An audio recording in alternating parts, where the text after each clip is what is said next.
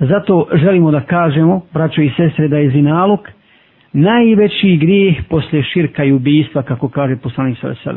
Dakle, poslije širka, poslije pripisivanja Allahu druga i ubijstva nevinog čovjeka, najveći grijeh je zinaluk i to je razvrat i grijeh i zlodjelo, zločin i poniženje, poniženje za čovjeka i ženu. To je zabluda u vjeri i pokvarenost u ahlaku, i skrnavljenje časti i gubitak čovječnosti.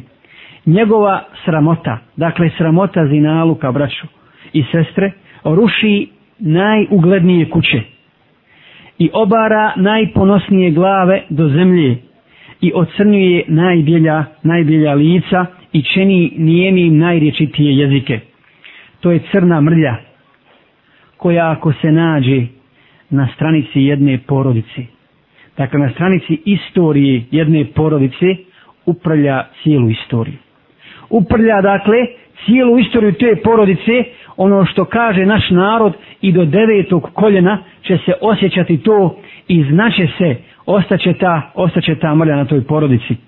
Na takvog čovjeka i na takvu ženu pada Allahova srđba i srđba ljudi koji se boje Allaha Đalešanu i oni nose taj pečat srama kod god, kod god hodaju.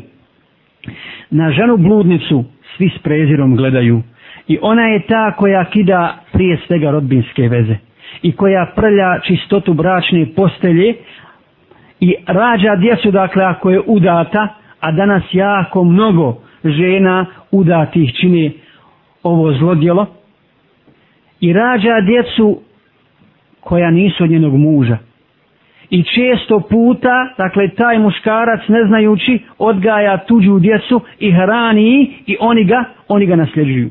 Nasljeđuju njegov imetak, a nisu, nisu njegova djeca. Također muškarac i na kraju krajeva takvu ženu ne želi niko za ženu.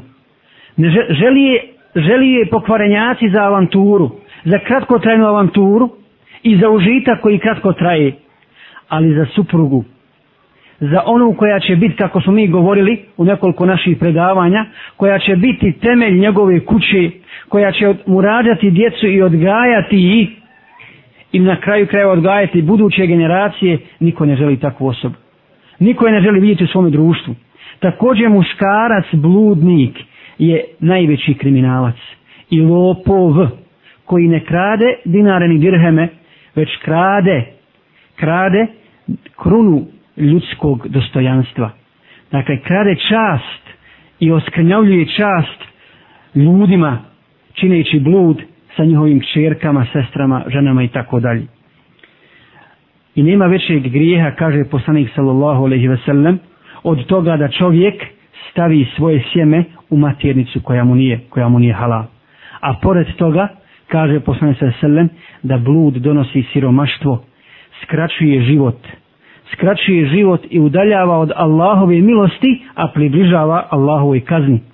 U Sahihajnu, dakle u hadisu kojeg je bilježe Buharija i Muslim, a prenosi ga Enes, radijallahu ta'ala, kaže poslanik sallallahu alaihi sallam, od predznaka sudnjega dana je podizanje znanja, dakle nestanak znanja, misli se dakle na znanje, šerijatsko prije svega, na znanje o Allahu, o gospodaru svjetova, na znanje o vjeri, o vjeri koju čovjek treba da slijedi, na koju su danas mnogi ljudi zaboravili, i širenje neznanja, širenje džehla, zatim pijenje alkohola i raširenost bluda, odnosno zinaluka.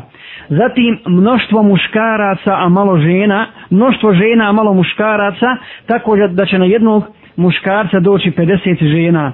I kaže dalje poslanik sallallahu alejhi ve sellem: Allahov zakon je kada se pojavi blud da se Allah rasrdi to je sunnetullah da se poveća njegova srđba a kada se poveća Allahova srđba onda se ona ogleda i pokaže kroz kaznu kroz kaznu na zemlji u raznim u raznim vidovima